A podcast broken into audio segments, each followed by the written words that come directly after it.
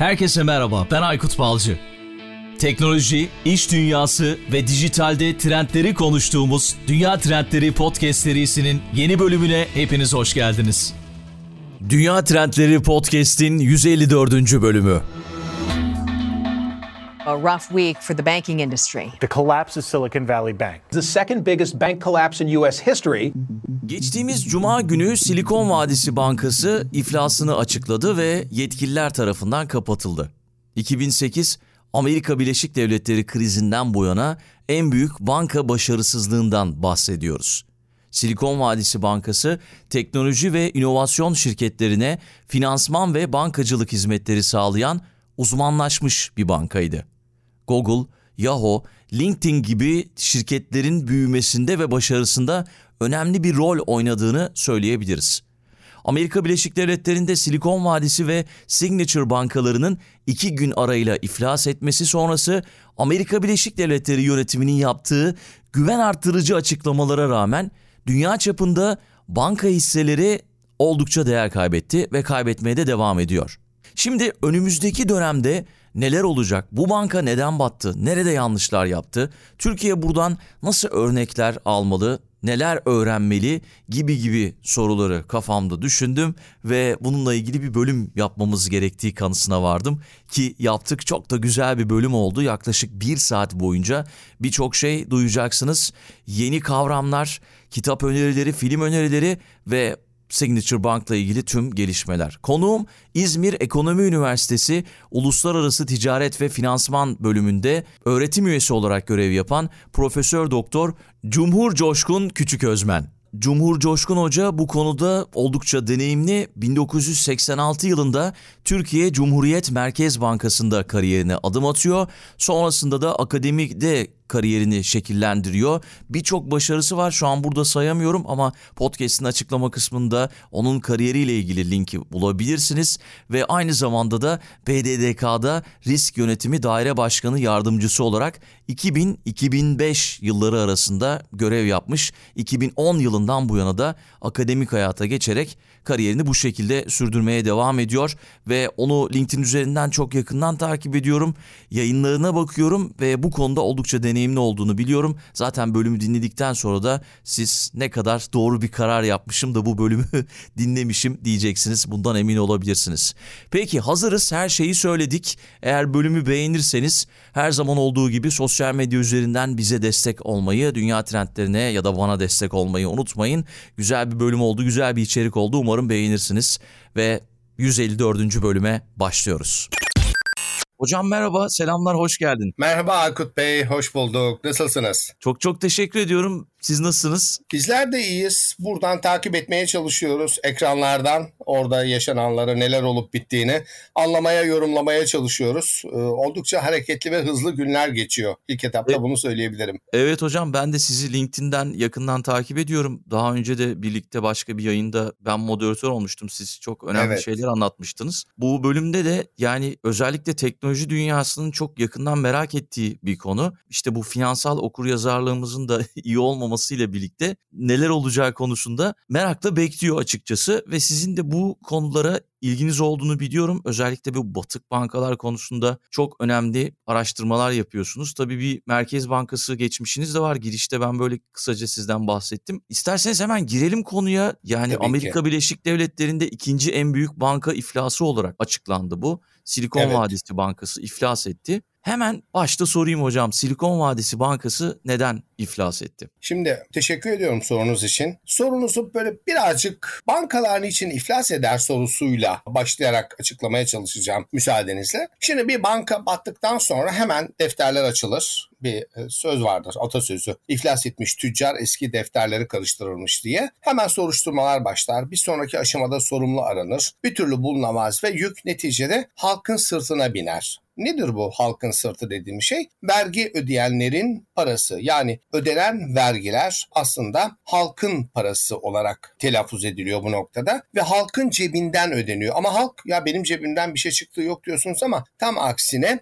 sizin cebinizden çıkan bir şey var çünkü sizin refahınız için yaşam kalitenizin artması için belki maaşınızın artması için ayrılan para ya da verilecek para kötü yönetimin hatalarını telafi etmek ya da zararları kapatmak için kullanılıyor. Dolayısıyla burada bir bankanın batışının sorumlusu her ne kadar bankanın kötü yönetimi olsa da denetim ve gözetim otoritelerine de çok büyük sorumluluklar düşüyor. Yani ama burada şöyle bir şey var. Bir banka battığı zaman o banka battığı için o bankanın denetiminden ya da gözetiminden sorumlu olan kişi, kurum ya da kuruluşlar maalesef altını çizerek söylüyorum ki ben de o kuruluşlarda çalışmış bir kişi olarak pek ceza almıyor. Pek vaki değil. Aldıkları oluyor ama kayda değer bir ceza almıyor. E bakıyorsunuz bankacılar da bu süreçten ceza almadan sıyrılıyorlar. O zaman ortaya bir takım farklı şeyler çıkıyor. Ne çıkıyor? Zararların sosyalleştirilmesi, sosyal maliyeti, halka maliyeti ama karların özelleştirmesi yani cebe atma. Şimdi eğer böyle bir sistem varsa yani kar ettiğiniz zaman bir banka olarak bu tamamen size ve hissedarlarınıza yansıyorsa. Ama battığınız zaman ortaya çıkan maliyet sizden ziyade devletin sırtına ve devletin sırtından vatandaşın sırtına yükleniyorsa ortada bir moral hazard diye bilinen ve hep ahlaki risk olarak tercüme edilen bir sorun çıkıyor. Aslında bu ahlaki risk yerine bence daha anlamlı başka bir şey kullanılmalı. O da istismar riski. Nedir istismar riski? Bir şeyin varlığına güvenerek sağduyulu davranmamak ve sağduyulu davranmamanızdan kaynaklanan risklerin size o imkanı sağlayanlar tarafından emilmesini ve başka tarafa yansıtılmasını sağlayan sistem. Şimdi bunların hepsi 1960'lar, 70'ler, 80'lerde konuşuldu. O zamanlarda da banka batışları vardı. Teknoloji bu kadar gelişmemişti. Bu kadar hızlı bir iletişim ağı yoktu. Ama banka batışlarının özellikle büyük banka batışlarının her biri bir milat olarak bankacılık ve finans tarihinde, yazınında, literatüründe yerini aldı. Nasıl aldı? Mesela BCCI diye bir banka vardı. Bank for Credit and Commerce International. İşte Abu Dhabi'de yeri var. Efendim Cayman Adaları'nda, Lüksemburg'da, Londra'da bu bankanın denetçisi kim sorusunun net bir yanıtı yoktu. Ve sistem içerisinde çok farklı bankacılıkla bağdaşmayan işler yapması sebebiyle önce Amerika Birleşik Devletleri'ne kapatıldı sonra iflası istendi ve İngiltere'nin kucağına düştü bu BCCI. Bu olay yaşandıktan sonra şöyle bir karar alındı home ve host country yani ev sahibi ülke ve misafir ülke sorumluluklarını belirleyecek. Diyelim X yerinde kurulan bir ülkesinde kurulan bir banka büyük ölçüde B, e, Y ülkesinde faaliyet gösteriyorsa bu banka kimin denetimine tabi olacak sorusunun yanıtı net bir şekilde ortaya konulması. Bu çok önemli bir nokta ve home host country yani ev sahibi misafir ülke prensipleri üzerine bir denetim maddesi, bir düzenleme maddesi konuldu. Arkasından bir Barings Bank olayı yaşandı İngiltere'de yine 1994 sonu 95 başlarında. Münferit bir bank olayıydı. Bu BCCI olayı da münferitti yani sistemik kriz yaratmadı. Bunlar kendi nevi şahsına münasır batışlardı. Barings Bank'te de ilginç bir şekilde iç kontrol sistemi ve buna ilişkin yetkin insanların görev yapması önerildi. Bu da bir düzenlemeler çağına girdi. Daha sonra Basel Komitesi İsviçre'nin Basel kentinde bulunan Bank for International Settlements, yani Türkçe Ödemeler Bankası diye tercüme ediliyor ama ben daha çok ona Merkez Bankalarının Bankası demeyi daha uygun buluyorum. Bu banka tarafından ilk etapta centilmenlik anlaşması bağlamında yapılan düzenlemeler ardından tüm dünyanın kabul ettiği sermaye yeterliği düzenlemeleri gündeme geldi. Nedir sermaye yeterliği? Cebinde yeteri miktarda para varsa bu oyuna girebilirsin düzenlemesi ve bu yeteri miktarda paranın gerçekten karmaşık bir hesabı var. Ve bu hesap giderek de karmaşıklaştı. Ama 1990'ların sonuna gelindiğinde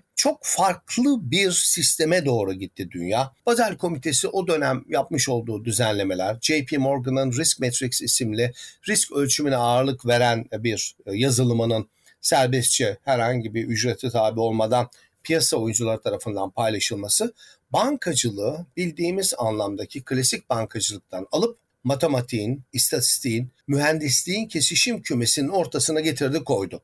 E zaten şimdi bankacılık bir finans ve hukuk işi. Bu hukuku özellikle vurgulamak istiyorum. Çünkü dünyada en fazla regülasyona tabi olan kurumlar bankalar, hukuk işi. Bunun üzerine çok daha karmaşık şeyler geldi. O zaman bir tek kişiden beklenmeyecek seviyede farklı disiplinlere sahip olabilme gibi bir durum çıktı ortaya. Bu durumu da nasıl açıklayabiliriz? Kişinin hem hukuk bilmesi, hem finans bilmesi, hem biraz matematik, istatistik bilmesi, tabii ki bankacılık bilmesi de gerekiyor. Derken bu noktada... Yapay zeka bilmesi şimdi günümüzde. Aa, evet daha oralara geleceğim Aykut Bey çok güzel. E, O zaten o fintechler, finansal teknoloji ve yapay zeka işte Silikon Vadi Bankası'nın geldiği son nokta. Yani insan ister istemez soruyor hocam bu kadar yapay zeka, bu kadar teknoloji varken bu banka neden çöktü diye.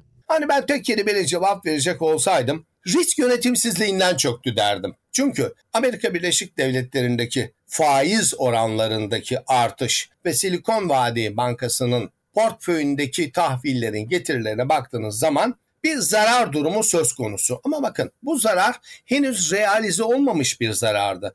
Ama her nedense bir şekilde sosyal medyada olabilir, Fısıltı gazetesiyle olabilir, kendi networkler içerisindeki başka iletişim gruplarında olabilir. Bankanın ani ödemeleri yapabilme kapasitesinin düşük olduğuna dair bir haber, bir söylenti. Bu nereden çıktı bulunur, emin olun. Evet. E, Zaten bu süreci de iyi yönetememişler herhalde hocam. Evet Şöyle bir, bir de röportajlara bakın, baktım. Şöyle söyleyeyim çok haklısınız. Yani röportajlara baktım. Özellikle girişimlerin çok fazla müşterisi olduğu bir banka bu banka. Ve böyle bir işte fısıltı gazetesiyle yayılmış ilk önce Slack gibi ortamlarda, Discord gibi ortamlarda. Evet. Kendi içlerinde ne oluyoruz demişler. Kimisi bankanın önünde kuyruklar oluşmuş. Paralarını çekmeye çalışmışlar. Maaşlar ödenememiş. Sonra zaten Twitter'a düşmüş. Ya Twitter'da ne kadar yani etkili bir silah mı oldu diyeyim artık. Bambaşka Evet. bir şey oldu.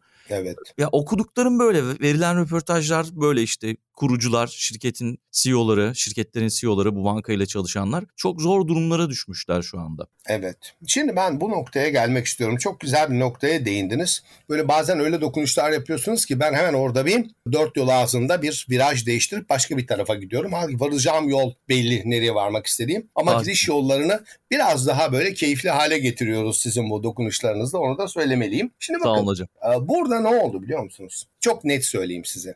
Ben eğer bugün şu haberi görmeseydim sizin söyleyeceğinizi %100 kabul edecektim. Haber şu eğer doğruysa bunu da e, başka kaynaklardan teyit etmedim ama birkaç hafta önce belki iki hafta önce ya da 10 gün önce batıştan 10 gün önce çok ciddi miktarda bonus dağıtmış Silikon Valley Bankası üst düzey yönetime ve çalışanlarına. Hmm, Bakın. anladım. Ve açığa satanlar, short sellers deniyor buna, açığa satış finansta. Bir gün içerisinde 600 milyon dolar bu krizden kar elde etmişler. Şimdi bakın sizin çok iyi bildiğinizi tahmin ettiğim bir delikanlı var. Sam Bankman-Fried bu kıvırcık saçlı, Evet. shortla gezen değil mi? Amerikalı bir yatırımcı, girişimci ve eski bir milyarder diyebilirim onun için. Sanırım şu anda ev hapsinde böyle bir tahvil karşılığında serbest bırakılmıştı. Hatırlıyorsunuz bunu. Doğru evet. Ve, ve bu e, Sam Bankman-Fried ilk seferde ne dedi? 5 kuruş param yok. Bütün paralar bitti falan filan. 250 milyon dolar kefaletler yatırıldı. Bahama'da villası çıktı. Sözüm ona bisiklette dolaşıyor. Kısa pantolonu var. Tişörtü var. Oo dosyalar bir açıldı, bir açıldı, bir açıldı ki demokratlara hibe bağışta bulunmuş. Cumhuriyetçilere bağışta bulunmuş. Her iki tarafı da garantiye almış. Ve 40 küsür milyar dolarlık bir sistemi çökertti. Şimdi yani arkasından öyle bir şey düştü ki kucaklara o 40 milyar çarpı 5 büyüklüğünde bir problemle karşı karşıya şu an Amerikan sistemi. Şimdi bunun geriye yansımaları ve tartışmaları çok büyük ölçüde Amerikan denetim otoritelerine dokunacak. Çünkü Sam Bankman-Fried'in bu FTX hikayesi zaten Bahama ve Amerika'nın yargı alanının dışında bir yerde vuku buluyordu. Ama bu bizzat Amerika'nın teknolojik kalbinde Silikon Vadisi Bankası adı altında Amerika'da oldu. E, o kadar kişinin gözünün önünde bu olay nasıl oldu diye sorulunca hemen oklar Federal Reserve ve Amerika Merkez Bankası'na çevrildi. Niçin? Çünkü Fed sürekli faizi artırıyor. E işte bankalarda tahvil almış. E tahvilin faizi düşük, piyasa faizi yüksek ve bankalar zarar yazıyor. Evet. Yani şimdi bunu buna ilişkin ben Türkiye'deki yansıması bu oldu. Yani Twitter'da herkes Aa. böyle yazıyor. Faizleri arttırdığı için işte bak gördünüz mü banka Aykut Bey şimdi şöyle diyor. söyleyeyim. Bakın Türkiye'de yansıması böyle değil şimdi. Türkiye'de bunun tam tersi ama benzeri bir durum var. Yani siz 360 derece döndüğünüz zaman başlangıç noktasına geliyorsunuz biliyor musunuz? Şimdi bakın Doğru. bir noktadan siz 360 derece dönün ben de 360 derece döneyim tamamlayalım bunu. İkimiz yine aynı noktada buluşuyoruz. Sadece patikalarımızın başlangıç ve seyir noktaları farklı. Anlatabiliyor muyum? Yani dolayısıyla şu an hani Türkiye'de şöyle bir risk var diye bir spekülatif davranışta bir sözde bulunmak istemiyorum ama bugün piyasa faizlerinin, Merkez Bankası faizinden bahsetmiyorum. Piyasa faizlerinin çok yüksek olduğu, devlet tahvili faizlerinin düşük olduğu bir noktada bankalara siz ciddi miktarda tahvil tutun dediğiniz takdirdeki tutuyorlar. Burada yaşanacak bir mevduat çekme olayı bir panikten dolayı bankayı sıkıntıya sokar. Ama şu an için ben Türkiye'de öyle bir durum öngörmüyorum. Öyle bir durumun söz konusu olmadığını düşünüyorum. Ee, olursa da Türkiye bu konuda inanın mübalağa yapmıyorum. Amerika Birleşik Devletleri'nden daha deneyimli. Çünkü biz Kasım 2001 krizlerini yaşadık. Bu krizlerde ben BDDK'da görevliydim. O dönemde yapılan iki tane şey vardı. Bir tanesi anında tüm mevduata garanti getirildi. Yani e, TMSF'nin şu an yanılmıyorsam 400 bin lira mevduat garantisi. E, onun tamamen tüm mevduatları kapsamı altına alındı. Hatta orada bir kritik bir olay daha oldu. Finansal Sevr Anlaşması imzaladık biz. Yabancı yatırımcıların da alacakları vardı. Bankaların, Türkiye'deki bankaların tamamının pasifleri diyeyim ama yükümlülükleri demeyi tercih ediyorum üzerine garanti getirildi. Şimdi bunu yaptınız ve büyük bir krizi önlediniz. Şimdi bu deneyim, bu beyin bu ülkede çok işe yarayacak. Türkiye krizlerle inanılmaz ölçüde mücadele eden bir ülke ve kendi yarattığı krizleri maalesef çözmek durumunda kalıyor şu aşamada. Bu konuya çok girmek istemiyorum şu anda.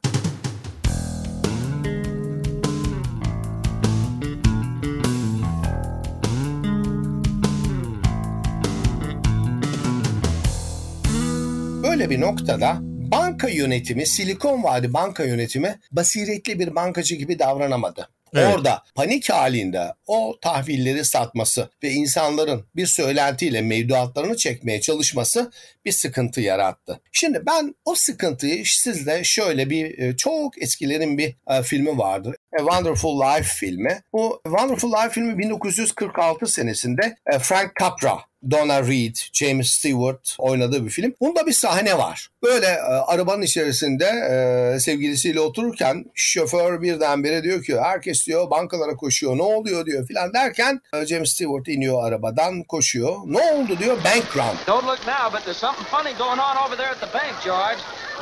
I've never really seen one, but that's got all the earmarks of being a run.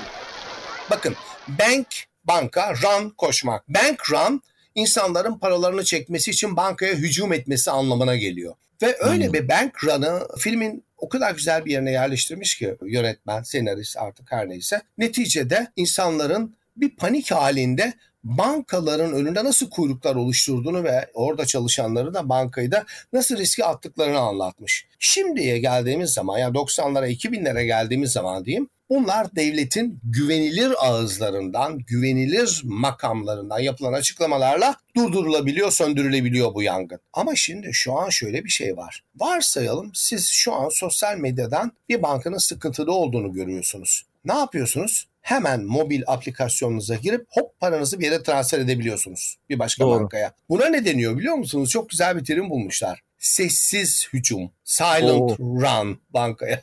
Sessiz İlk defa hücum. duydum. Çok güzelmiş. Ee, ben de ilk defa duyduğumda çok heyecanlanmıştım bunu. Ee, yaklaşık bir buçuk iki sene önce duydum. Yani şu anki teknoloji bankalardan bir anda teknoloji yoluyla para çıkışına yol açabiliyor. Ama şimdi bankalar buna karşı önlem almış durumdalar. Yani ani mevduat çekilişlerinde, ani kur dalgalanmalarında, döviz alma ya da döviz bozdurma durumlarında sistemi bir tuşla kapatabiliyorlar. Tabii zaten yani- Silikon Vadisi Bankası'nda da böyle olmuş. Evet. Sistemi evet kapatmışlar. orada da öyle oldu.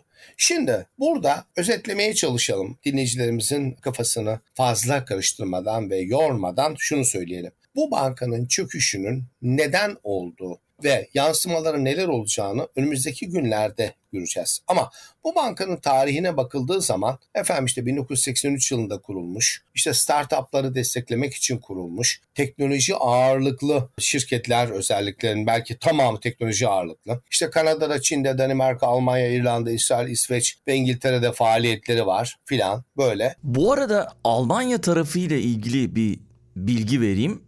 Amerika Birleşik Devletleri'nde bankacılık sektörü üzerindeki riskleri arttırdı Silikon Vadisi Bankası ve Almanya'daki şubesi içinde bir takım kararlar alındı. Buna göre Almanya şubesinin yükümlülüklerini yerine getirmeyeceği belirtiliyor. Aynı zamanda bankanın varlık satışı ve ödemelerinin de dondurulduğu bildirildi. 798 milyon euroluk bir mevduat varmış. İnanılmaz gerçekten ama herhalde ülkeler sizin de dediğiniz gibi kendi kararlarını kendileri alacaklar. Evet 220 milyar dolara ulaşan bir mevduat var. Şimdi bakın çok büyük para her zaman için bir sorun. Yani ciddi bir sorun. Çünkü siz bu kadar bir büyük parayı ne yapacaksınız? Bugün Türkiye'de de aslında aynı sorun var. İnsanlar ellerinde para var ne yapayım diye soruyorlar. Eskiden bankaya yatır diyordunuz ama enflasyon karşısında eriyor. E, tahvile yatır derseniz onun da faiz oranları yüksek değil. Altın deseniz yeteri kadar artmıyor. Gayrimenkul al deseniz oraya yetecek parası yok. Ortada başıboş ama giderek eriyen bir buzdağı gibi bir para var. Bu bir sıkıntı.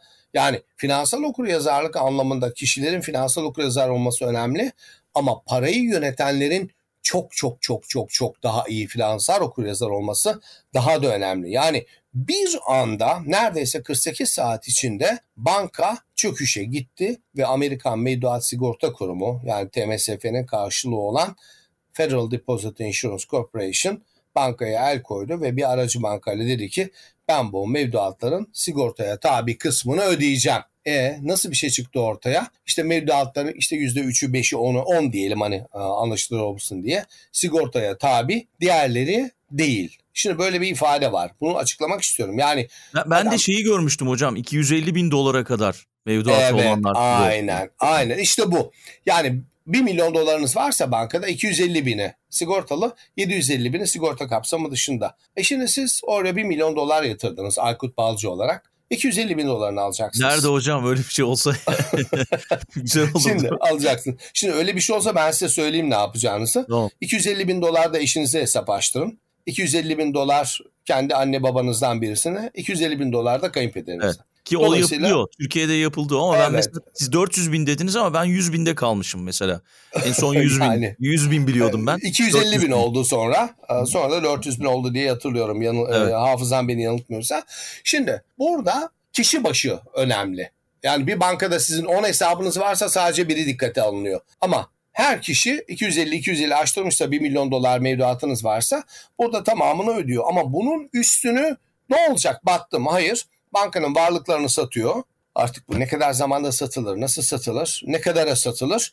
Buradan sıraya konulup hukuk ne diyorsa yasalar ona göre ciddi miktarda bir ödeme yapılıyor insanlara ama bazen bankada hiçbir şey kalmamış da olabiliyor. Silikon Vadi Bankası için bunu söylemeyeceğim. Şu an için ortada net bir hesaplama henüz yok. Ama bugün itibariyle bakıldığında Silikon Valley Bankası şu an emin ellerde diye düşünüyorum. Emin ellerde. Şimdi kimin emin ellerinde? Amerikan Merkez Bankası'nın emin ellerinde, Amerikan Mevduat Sigorta Kurumu'nun ve birkaç tane daha Amerikan Denetim Otoritesi var bunların elinde. Şimdi bakın ben olaya bir banka ve bankada parası olanlar açısından baktığımda ya ben bunlara güveniyordum. Bunlar böyleydi, bunlar şöyleydi dediğiniz zaman bir savunma hakkınız yok. Çünkü sistemi tanımak zorundasınız. Paranızın ne kadarı mevduat sigortasına tabi, paranızı nerede ne şekilde tutuyorsunuz bunların hepsi sizin sorumluluğunuzda. Yani Latince bir kavram var. Caveat emptor yani sorumluluk alıcıya aittir. Bunun tersi de var. Sorumluluk satıcıya aittir durumu. Ama burada sorumluluk alıcıya aittir. Yani siz kalkıp buraya para yatırıyorsunuz, bütün paranızı koyuyorsunuz. Şimdi Silikon Vadide olan insan için baktığımda ya buradaki tüm teknoloji şirketlerinin parası burada. Bu banka 83'ten beri işte bilmem 30-40 yıldır harika şekilde faaliyet gösteriyor. Bu bankaya bir şey olmaz. E Zaten bu teknoloji şirketleri bankanın teknolojisine de yardım ediyor. E, bu banka aynı zamanda 16. büyük bankaymış. Biz hep ilk 10 bankaya bakmaktan ondan sonrakine bakmayı unutmuşuz. E, 16. büyük banka olması da çok önemli bu bankanın. Ama Evet. battı. Ama battı. Yani neticede işte geçen cumartesi, pazar hatta cuma diyelim. Cuma, cumartesi, pazar Merkez Bankası Başkanı Jeremy Powell Sonra Martin Gruenberg, FDIC'nin Mevduat Sigorta Kurumu Başkanı ve Janet Yellen, Hazine Bakanı bir araya geldi, konuştular. Dediler ki biz bu işi çözeceğiz. Çünkü biz 2008 krizinde yaşadık, 2020'de koronavirüs pandemisinde yaşadık. ve buradaki sıkıntının bankacılık sistemine bulaşmasını engelleyip sistemik bir risk yaratmasını önleyeceğiz dediler ve ona göre kararlar aldılar. Ama burada bir parantez açıp söylenmemiş bir şeyi söylemek istiyorum. Denetim otoriteleri, otoriteleri çok büyük bir görev, yük ve sorumlulukla karşı karşıyalar. Piyasadaki teknoloji kadar hızlı ilerleyemiyorlar. Piyasanın teknolojik gelişmelerine denetim otoriteleri çok iyi yanıt veremiyor maalesef. Bu bence daha ciddi, daha büyük bir risk. Ama tabii ki bu koskoca Fed'i ya da diğer kurumları suçlu anlamına gelmiyorum ama bu işin bir sene, iki sene, üç sene sonrasını düşündüğümde özellikle Big Tech denilen büyük teknoloji şirketlerinin işte Google'da, Amazon'da, Facebook, Apple'da bilmem ne bunların da finans işine girmesi neticesinde sizin neyi nasıl denetleyeceğiniz, neyi nasıl önleyeceğiniz konusu ciddi bir sorun, ciddi bir sıkıntı yaratacak. Yani bunu özellikle ifade etmek istiyorum. Çünkü bir dot-com bubble yaşamıştık 90'larda hatırlarsanız teknoloji şirketleri olağanüstü derecede gelişecek, büyüyecek hatırlıyorsunuz. Herkes oraya para yatırdı ve çöktü. Şimdi bu da böyle dot-com bubble 2.0 yani bu da bir şeyin öncüsü belki. Ya bilemiyoruz çünkü hemen arkasından bir Signature Bank o da iflasını istedi. Bu bankaya riski olan şirketler şimdi 200 milyar dolar az para değil. Bunlar ciddi bir sıkıntı yaşadılar. E şimdi burada ne yaptım? Yangını söndürmek için ciddi anlamda hemen etrafını çevirdiler ve bitirdiler. Ama şunu da söyleyeyim. Siz istediğiniz kadar önlem alın. Bakın istediğiniz kadar önlem alın. Bakın 2008 krizinden bu yana 15 yıl geçti. Dünya kadar Dodd-Frank yasası geçti, bilmem ne yasası geçti. O kadar çok kısaltma isimler var ki yani bunu almıştım bir ara hepsini böyle yeni bir dil gibi. Bunlar bunlar bunlar geçti. E sosyal medyada bir haber, panik halinde insanların davranışları bir anda her şeyi değiştiriyor. E şimdi bakın ben mesela şu an elimde benim büyük veri analizi olsa ve her veriye girebilme imkanım olsa ben şu Silikon Vadi Bank'la ilgili olarak Chat GPT'ye biliyorsunuz yapay zeka uygulamasına neler sorulmuş bilmek isterim. Yani kimler neler sordu ne cevaplar aldı. Yarın öbür gün insanlar ortaklaşa benzer akıl benzer fikirle farklı bir şekilde hareket edebiliyorlar. Anlatabiliyor muyum? Yani davranışlar değişti, insanlar değişti, sistem değişti. O zaman denetim otoritesinin de bu değişime ve bu sürate ayak uydurması gerekiyor. Hatta Financial Times'ta bir haber okudum sabahleyin. Diyor ki bankanın battığı anlaşılır anlaşılmaz diyor. Amerikan Mevduat Sigorta Kurumu hemen var mı bu bankayı alan diye piyasaya çıktı diyor. Yani bunu ıslak mermiyi namluya sürmek olarak niteliyor. Yani etkisi sıfır olacak. Yani sen ölmüş bir bankayı satışa çıkarıyorsun. E, Silikon Valley Bankası'nı. Olmadı. Ondan sonra senin kucağına kaldı neticede. Çünkü FDIC dediğim Mevduat Sigorta Kurumu işte PNC Financial Service olsun, Royal Bank of Canada olsun bunların hepsini gelin bakın alın diye davet etti. Bir banka alınabilir. Niye alınabilir? Nasıl alınabilir? Biliyoruz bunu. Ama burada şöyle bir nokta var. Amerika devletinin Silikon Valley Bankası'nın sigortasız mudilerinin iflas etmesine izin vereceğine dair korkular sürerken buraya para yatıran risk sermayedarları ortak bir çalışma başlattı. Ama bu bir lobi çalışması. Dedi ki şirketlerin maaş çeklerini yazmakta zorlanması gibi bir durumla karşı karşıyayız. Yani adamlar bankada parasına güvenerek insan çalıştırıyorlar. E bunun sadece ekonomik yansıması olmayacak. Aynı zamanda Amerikan denetim otoritelerinin kesin başarısızlığının jeopolitik sonuçları da olacak diye büyük bir tehdit savurdular. Yani buradaki şirketler yarın öbür gün gidip başka bir tarafta faaliyetlerini gösterebilirler. Ve Amerika burada çok büyük bir kayba uğrayabilir ima ettiler. Çünkü konu neydi? Burası banka değil. Burası bir yenilik ekonomisinin yer aldığı bir bölge. Neticede Doğru. burası Amerika ile Çin'in karşı karşıya geldiği bir meydan. Bu meydan savaşında siz yenilikçi şirketleri öldüremezsiniz dediler. Evet. Ki, ki, ki bazı şirketlerin tamamen e, paraları bu bankadaymış. Maalesef. Yani başka Maalesef. bir yerde tasarruflarını değerlendirmemişler. Onların elleri kolları tamamen bağlanmış. İşte çalışanlarının maaşlarını ödeyemiyorlar. Tamamen evet. her şey birbirine girmiş durumda. Bir de hocam şeyden bahsettiniz ya bu regülasyonlardan bahsettiniz. Onun evet. en güzel örneği işte kripto. Kripto ile ilgili hala bir regülasyon çıkmış değil dünya üzerinde ki batan bu, kapatılan bu diğer banka da sanırım kripto varlıklar üzerine yoğunlaşan bir bankaydı Signature evet, Bank. Evet, evet, evet. Mesela o da kapatıldı. O konuda da bir şey var. e, Şimdi şöyle söyleyeyim. durum var. Kontrolü sizde olmayan, nereden geldiğini bilmediğiniz ve kontrol edemediğiniz bir para sistemin içinde dolaşıyor. Yani koronavirüs diyebiliriz şeye bu kripto paralara. Ve Doğru. giderek de sistemin her tarafına yayılıyor. Bir Bitcoin'de başladı. Arkasından Ethereum'la geldi. Şu an için kaç tane var bilmiyorum. Bin küsür falan vardır. 2000 de olmuştur. Ve insanlar bunlara yatırım yapıyorlar. Niye diye soracak olursanız artık geleneksel ve klasik para sisteminden ve finans sisteminden bıktı insanlar. Paralarını yatırıp günlerce, haftalarca, aylarca beklemek istemiyorlar. Bu süreç çağında çok kısa süre içerisinde paralarının para kazanmasını istiyorlar. Yatırımlarını karşılığını almak istiyorlar. İşte bu Z kuşağı, alfa kuşağı artık ne, ne derseniz deyin. Bunlar sürekli bir e, hız, sürat, dönüşüm içerisindeler. Çok fazla zarar eden, çok fazla batan oluyor ama inanın bir süre sonra tekrar giriyorlar o piyasaya. Yani böyle bir artık insan beyninin kumarı olan ne diyeyim uyuşturucu etkisi mi diyelim. İşte böyle anlatanlar var. İşte korteks yapısı beyinde ön, ön bellekte karar veriyor. Arkasıyla böyle yapıyor. Şuradaki bunu dürtüyor. Neuroscience filan içerisinde tamam eyvallah hepsine tamam teşekkür ediyorum ama yani burada bunu genelleyemiyorsunuz. Çünkü panik halinde insanların ne yapacaklarını kestiremezsiniz. Mesela Nasim Talep mesela çok güzel bir kitabı var Siyah Kuğu diye Black Swan. Ama bu kitabın içerisinde iki tane şey beni çok büyülemiştir. Bunlardan bir tanesi çölde bağıran adam. Clementes in Deserto sanırım. Latince karşılığı. Çölde bağıran adamı niye kullanıyor? Ya arkadaşlar bu kadar risk almayın riskinizi adam gibi yönetin. Batacaksınız diyor. Bunu dinleyen kimse yok. Evet. Dinleyen kimse olmadığı için çölde bağıran adam benzetmesini kullanmış burada. Nasim Talep. Bu önemli bir nokta. Ve Nasim Talep'in siyah kuğu dediği kuğu da çok nadir görülen ekstrem olaylar. Valla bazı ülkeler var ki yani baştan aşağı siyah kuğu. Yani baştan aşağıya. Hatta bir söz söylemiş geçen gün Financial Times'ta birisi kimin söylediğini bilmiyorum ama bir siyah kuğu siyah bir kuğudur. Ama iki siyah kuğu olunca bir sürüdür. Yani neticede ikinci bir banka arkasına üçüncü bir banka gelirse diyor bu sistemik bir kriz haline gelir diyor. Bu, bu dikkate alması gereken bir uyarı olarak görüyorum. Peki hocam şöyle bir şey sorsam. Bu yaşanan kriz neye benziyor? Geçmişte böyle bir şey oldu mu? Geçmişte böyle bir şey yaşandı mı?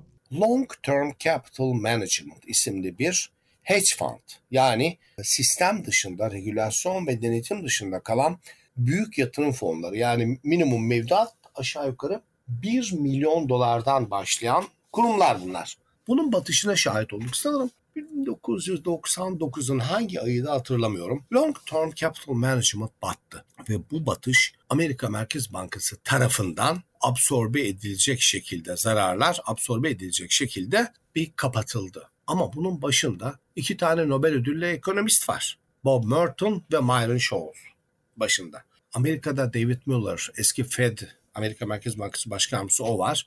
Connecticut'ta Amerika'da ve bu bittikten sonra bu kriz yani long term capital management öyle bir dibe vurdu ki hiç beklemediği bir Güneydoğu Asya krizi Rusya'nın temerrüde düşmesi ve aldığım parayı ödemiyorum falan demesinin bu tarafa yansıması oldu. Bakın beklemediğiniz taraftan vuruluyorsunuz. Garanti etmediğiniz taraftan açık bıraktığınız cepheden. İşte risk yönetimi burada çok önemli bir kavram olarak karşımıza çıkıyor. Bu konunun ele alındığı bir belgesel yayınlandı.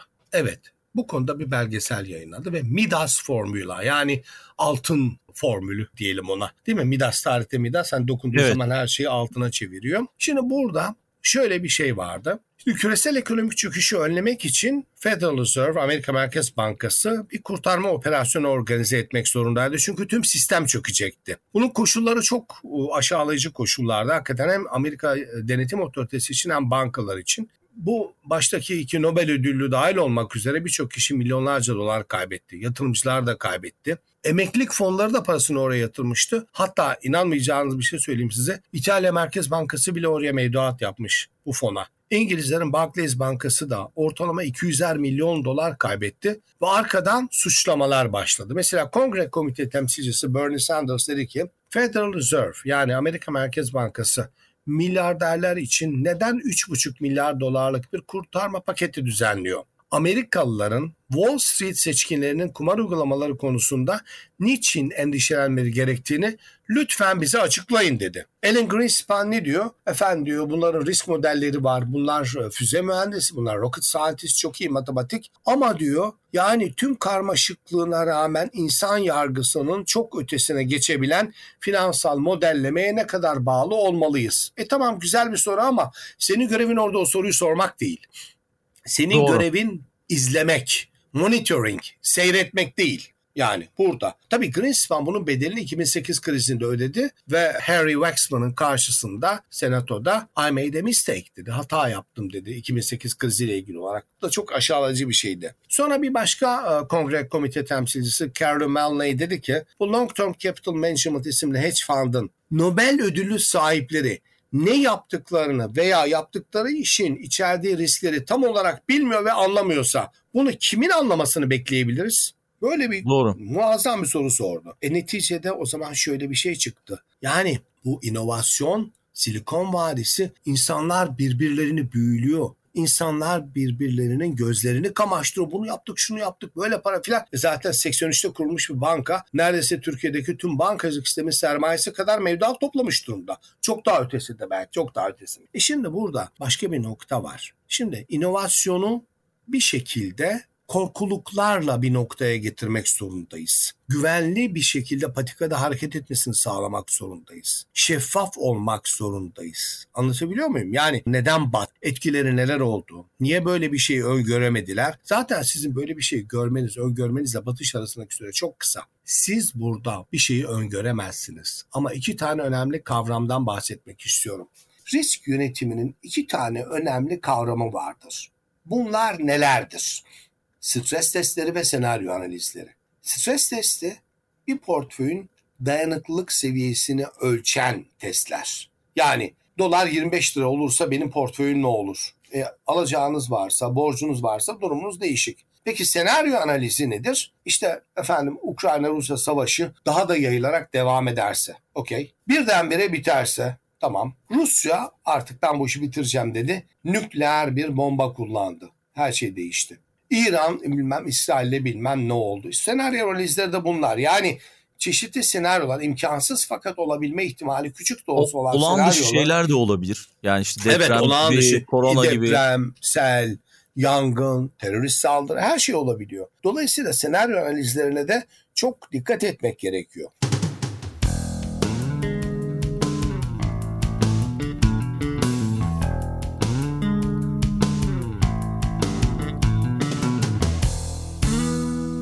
Peki hocam bu yaşananların Türkiye'ye etkisi nasıl olur? Nasıl etkiler Türkiye'yi? Bu Silikon Vadi Bankası'nın Türkiye'ye doğrudan bir etkisi olacağını düşünmüyorum açıkçası söylemek gerekirse. Ama bizim bundan çıkarmamız gereken dersler var. Özellikle Merkez Bankası'nın bankalar üzerine şu an için uyguladığı politikanın beklenmedik sonuçlarının realize olması şu son 6 aydır, 9 aydır, son 1 yıldır aşırı artan banka karlılıklarını bir anda silip süpürebilir. Yani buna çok dikkat etmek gerekiyor. Bu önemli bir nokta. Yani bir ne deniyor buna? Wake up call deniyor. Yani uyandırma zili, alarm zili. Yani bir dakika bak böyle şeyler olabiliyor. Peki diyeceksiniz ki bizim bankalar bunun farkında değil mi? Valla bizim bankalar bunun çok iyi farkında. Çok çok iyi farkında. Bizim bankalarımız çok iyi yönetiliyor bu noktada baktığınız zaman risklere karşı ama şu an bu bankaların faaliyetlerine ciddi miktarda bir kamu müdahalesi var. Ve kamu müdahalesi oldukça oyunun alanı farklılaşıyor. Oyunun gittiği noktalar başka taraflara gidiyor. Siz her türlü çıkışı tıkadığınız zaman işte döviz artmasın, o artmasın, bu artmasın, şu olmasın, bu olmasın. Neticede içeride bir sıkışma, içeride bir basınç meydana geliyor. Buna dikkat etmek lazım. Yani bu noktada sosyal medya önemli, bankalara hücum, panik halinde bunlar önemli. Büyük teknoloji şirketleri paranın yurt dışına farklı yöntemlerle gitmesi, ödeme şirketleri, finansal teknolojiler. Şimdi bunların hepsini bir araya getirdiğiniz zaman ortaya şöyle bir şey çıkıyor. Bu bir fırsat. Tüm denetim ve düzenleme e, modellerimizi, yapılarımızı, düzenlemelerimizi bir gözden geçirelim. Bir de şu var Aykut Bey. Acaba bankalar gerçekten iyi yönetiliyor mu? Çünkü bugün fintech dediğimiz finansal teknoloji şirketlerinin büyük bir kısmı gerekli ve yeterli bankacılık deneyiminden yoksun olarak sadece teknolojiye odaklanmış durumdalar. İşte FTX olayı bu. Yani bir anda 40 milyar dolarlık şirket oldunuz. Sabahleyin kalktınız sıfır. İşte bankacılık burada önemli. Yani neticede sistemik riskler var. Biz bununla ilgili de yayın yapmıştık. Yani teknoloji şirketleri fintech mi oluyor yoksa bankalar teknoloji şirketi mi oluyor? Böyle iç içe geçmiş de bir durum söz konusu. Ee, onu da söyleyeyim. Bu durum İngiltere'de bu İngiltere ben finansal inovasyonun beşiği olacağım dedi. Nasıl finansın beşiğiysem finansal inovasyon konusunda da dünyanın bir numarası olmaya niyetliyim ve Londra'nın dünya finans merkezleri arasındaki mevcut yerini işte birincilik olsun, ikincilik olsun New York'a falan baktığınızda muhafaza etmesini istiyorum diyerek bir inovasyon zirvesi gerçekleştirdi. Bundan kaç sene önce hatırlamıyorum 6-7 sene önce ve dünyanın tüm resmi kurumlarını davet etti. Altında da Prens Charles'ın imzası olan bir mektupla davet etti hatta. Ve burada Chris Skinner isimli çok ilginç bir finansçı, bankacı şunu söyledi. Dedi ki İngiltere finansın beşiği olacak. Bu finansın beşiği içerisinde teknoloji şirketleri büyüyecek, beslenecek, şunu yapacak, bunu yapacak filan. Hatta çok ilginç bir show yaptı sahnede. Onu da sizle paylaşmak isterim. Hoşunuza gideceğini düşünüyorum. Çantasını açtı. Çantasından bir sürü kablo çıkardı. Bunların ne olduğunu biliyor musunuz dedi. E, kablo işte. Bakın dedi. Bunların hepsi bilgisayar ve cep telefonu şarj aletleri. Her biri farklı bir ülkeye, farklı bir standarda, farklı bir telefona göre yapılmış dedi. Onunki buna uymuyor, bununki ona uymuyor, onunki ona uymuyor filan dedi. Bu kadar şarj aletine gerek var mı ya dedi. Niçin dedi dünya uniform bir şey yapmıyor. İnsanlar bir anda işte böyle yapıyor, şöyle yapıyor. Sorununu çözse nasıl olur? Şimdi ben de buradan yola çıkarak. Ki zaten sonra karar aldılar. Avrupa'da artık standart olacak. Harika. Dünyada kaç yüz bin banka var dedi. Bilmem kaç bin tane para var dedi. Bunların da dedi yavaş yavaş uh, uniform olması gerekiyor dedi. Şimdi bu güzel bir nokta ama bu nerede nasıl olacak? İşte bazıları diyor blockchain buna uh, önderlik yapacak. Bazıları diyor işte dijital para, Merkez Bankası paraları filan o oraya hiç girmek istemiyorum. O gerçekten o Merkez Bankası dijital paraları ve kripto paralar bence blockchain çerçevesinde çok farklı bir programın konusu olabilecek kadar önemli ve cazip bir konu onu da söyleyeyim. Ve neticede İngiltere bu çerçevede e, bunu ortaya koydu. Şimdi teknolojinin içinde olan bankalar ne diyor? Ben bankacılık yapan bir teknoloji firmasıyım diyebiliyorlar. Büyük teknoloji firmaları da ne diyor? Ben diyor işte e-ticaret bilmem ne yapan ama aslında devasa bir bankayım. Bugün hatta bazı teknoloji şirketlerinin ellerindeki nakit birçok bankadan çok çok çok daha fazla. Ama bu şirketlerin elinde daha tehlikeli bir şey var Aykut Bey. Veri. Herkesin verisi var. Şu an siz Facebook'un elindeki veriyi, Google'ın Gmail ya da bilmem ne üzerindeki verisini ya da WhatsApp'ın elindeki veriyi nasıl kıymetli, ne kadar farklı bir veri olduğunu tahmin edebiliyor musunuz? Cep telefonları üzerinden evet. elde edilen. E, Çin ne dedi? 2030 dedi. Çin yılı.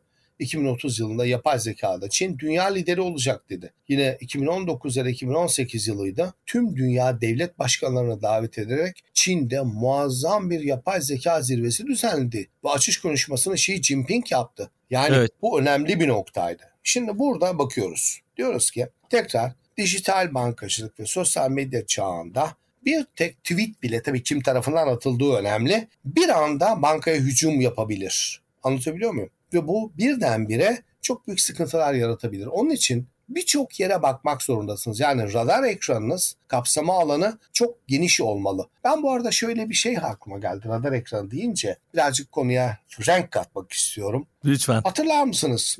Finlandiya'dandı sanırım. Kalkan bir uçak. Matias Rast hiç unutmuyorum adını. Küçücük pırpır bir uçak. Kızıl Meydan'a indi. 1980'lerin sonunda. Hatırlıyor musunuz bu olayı? Ee, ben hatırlayamayabiliyor olurum. Olabilir hocam. Benim yaşım ortaya çıktı tabii burada. Ee, gayet güzel.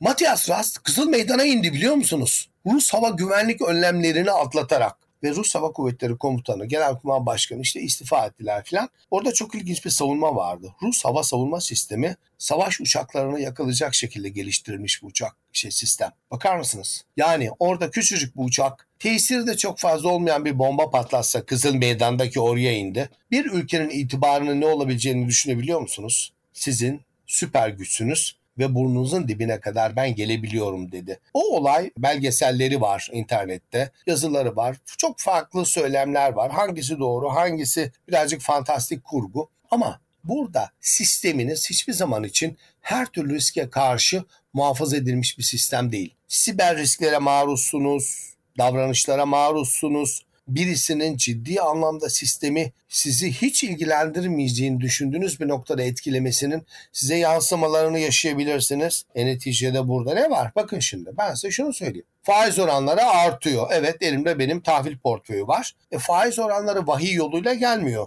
Tanrı'nın bir emri de değil. Sistem Doğru. yaratıyor bunu. O zaman kardeşim sen riskini adam gibi yönet. Farkında ol. İşte biraz önce söylediğimiz gibi senaryo analizleri yap. Stres testleri yap. Konuyu gör. Ama sen bu risk yönetimini gereği şekilde yapamazsan o 200 milyar dolara ki bu başkalarının parası Other People's Money Danny DeVito'nun oynadığı bir film vardı. Başkalarının parası diye çok güzel bir e, filmdi o. Hatta bu isimle anılan bir kitap var. John Kay K.A.Y. Konya Ankara Yozgat soy ismi Other People's Money. E şimdi baktığınız zaman bankalar ve bankacılığın nasıl olduğunu özellikle teknolojiye yatırım yapan bankaların neler yapabildiğini, neler olduğunu çok farklı bir şekilde anlatıyor. Hatta ben size bakın şunu da söyleyeyim. E, Hariri'nin 21. yüzyıl için 21 ders kitabı var. Bunu biliyorsunuzdur. Evet. Diyor ki bilgisayarlar finansal sistemi daha şimdiden pek az insanın anlayabileceği düzeyde karmaşıklaştırmış durumda. Bakın finansal sistem teknolojiyle karmaşık hale gelmiş durumda. Diyor ki kısa sürede gelişim kaydeden yapay zeka karşısında hiç kimsenin finanstan anlamadığı bir noktaya gelebiliriz. Böyle bir durumda ne tür bir siyasi süreç yaşanacak? Eli kolu bağlı bir şekilde bir bütçenin ya da yeni vergi, reformunun bir algoritma tarafından onaylanmasını bekleyen bir devlet hayal edebiliyor musunuz? Şimdi bu bana The Economist'in bir sayısını hatırlattı.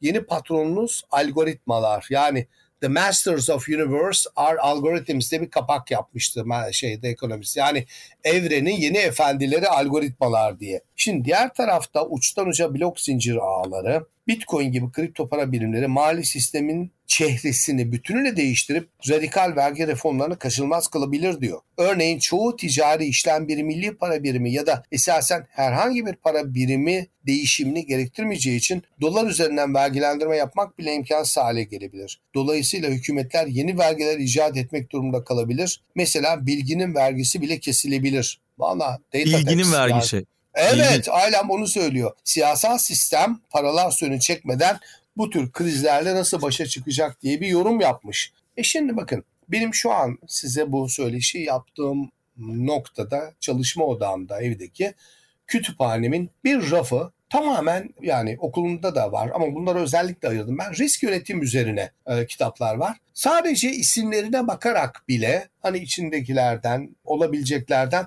çıkarsamalarda bulunuyorum. Dolayısıyla bence bankacıların karşılarında bir risk yönetimi kitabı her zaman bulunmalı. O risk kelimesini her zaman görmeliler ve alacakları kararların ne tür riskler içerdiğini ve nelere sebep olabileceğini bilmek zorundalar. Aksi takdirde yani Fed faizi artırdı onun için battım. Hoca bana taktı onun için kaldım. İşte çalışacaktım akşam elektrikler kesildi. Bunlar mazeret olarak kabul edilmiyor. Bankaların da bu gibi şeylerin arkasına sığınmaması gerekiyor. Bankaların aktif pasif komiteleri var. İşte varlık yükümlülüklerini, vade uyumlarının kontrol edildiği komiteleri var iç denetim, risk yönetim sistemleri var. Bunları efektif olarak kullanmak zorundasınız. Yani şu an ikimizin direksiyonda olduğunu düşünün. Kontrol bizde. Gaz pedalı benim ayağımdaysa fren pedalı da sizde olmalı Aykut Bey. Yani ben süratlendiğim Anladım. zaman siz beni durdurmalısınız. Anladım Yani. hocam. Peki Böyle. her şeyi konuştuk herhalde ama bu kriz çabuk bir şekilde son belki bunu sorabilirim. Bu kriz belki çok çabuk bir şekilde çözülmeyecek öyle gözüküyor. Aa, şöyle söyleyeyim. Şimdi burada iki tane sorun var. Eğer işin içerisinde bu batışa giden yol esnasında işte o dağıtılan bonuslar, birilerine yapılan transferler, usulsüzlükler varsa ki bunların ortaya çıkması çok kolay. Birkaç hafta içerisinde yakalanır. Olayın boyutu değişecek. Ama benim burada asıl dikkati çekmek istediğim nokta bu banka ile ilişki içerisinde olup mevduatını buraya yatıran şirketlerin yaşayacağı bir krizin sisteme hem bankalar hem şirketler yoluyla bulaşması ve bunun önlenmesi Amerika'yı çok farklı bir ikilemde bırakabilir. Yani bazen krizler asla ve asla yapmayı beklemediğin, ümit etmediğin şeyleri sana yaptırmak durumunda bırakabilir. Bu da senin Anladım. basiretsiz davranışının bir sonucudur. Görseydin derler, baksaydın derler. Senin görevin o. Anladım hocam. Yani podcast'in sonunda her konumdan kitap önerisi istiyorum. birçok Hmm. kitap önerisinde bulundunuz aslında bölüm içerisinde. Film Evet. önerisinde bulundunuz. Birçok bilmediğim olaydan bahsettiniz. Hocam çok Evet. çok teşekkürler. Sadece bu Silikon Vadisi'ni konuşmadık ve aynı zamanda birkaç tane de yeni kavram öğrendim sizden. E, Bank bank run miydi? Bank Ren ve Silent Ren. Evet, Mesela o Evet, çok ilginçti. Sessiz hücum evet. Evet. Ve Yani- çok daha dolu bir yayın oldu. Çok çok teşekkür ediyorum hocam sizden. Ama yine de kitap önermek isterseniz Ben e, valla yeni kitap olarak e, şu an e, Peter Drucker'ın Yeni Gerçekler kitabının enformasyona dayalı kuruluşlar diye bir e, bölümü var. O çok hoşuma gitti ama hemen masamda benim çok güzel bir başka kitap daha var. Onu hemen paylaşmak istiyorum sizlerle. Bu e, yapay zeka ile ilgili güzel bir kitap. Yapay zeka çağında rekabet kitabı. Türkçe'ye çevrildi. Mario Lancetti ve Karim Lakani'nin birlikte yazdıkları Yapay Zeka Çağında Rekabet kitabı beni çok etkilemiştir. Çok da güzel bir kitaptır. Ee, bir tane Türkiye Teknoloji Geliştirme Vakfı yayınlarından Çinli Yenilikçilerin Öğrettikleri diye bir kitap var. Çok güzel bir çeviri yapmış teknoloji Türkiye Teknoloji Geliştirme Vakfı. Kitapta çok yakın bir kitap yani 2019 ya da 2020 olabilir. E, çok başarılı bir çeviri. E, bunları önerebilirim. Yani e, yine sosyal medyadan da ben zaman zaman kendi hesabımdan paylaşımlarda bulunuyorum. Ama en azından sizin bu çok dinlenen podcastinizden de böyle bir imkan sağladığınız için teşekkür ediyorum. Peki hocam biz de çok teşekkür ediyoruz. Bu kitapları da kütüphanemize ekledik. Eminim ki bizi dinleyen podcast severler alıp okuyacaklardır. Harika. Çok çok sağ olun. Tekrar buluşmak üzere o zaman. Siz de sağ olun. Buluşmak, görüşmek üzere. Kapatmadan önce Patreon destekçilerimize de teşekkür edelim. Recep Topçu, Serdar Sungur, Onur Atakan, Nilay Atalay, Kübra Karaman, Necdet Dikmen, Birol İnci ve Ahmet Uçar'a sonsuz teşekkürler. Eğer siz de Patreon üzerinden destek olmak isterseniz podcast'in açıklama kısmında Patreon linkini bulabilirsiniz. Dünya Trendleri Podcast serisinin bu bölümünün sonuna geldik. www.dünyatrendleri.com Twitter'da @dünyatrendleri, Instagram'da dünya.trendleri adreslerinden Dünya Trendleri Podcast'i takip edebilirsiniz. Unutmayın önerileriniz ve merak ettikleriniz içinse info gmail.com adresinden mail atabilirsiniz. Bu bölümü dinlediğiniz için çok teşekkürler. Yeni bölümde tekrar buluşmak üzere.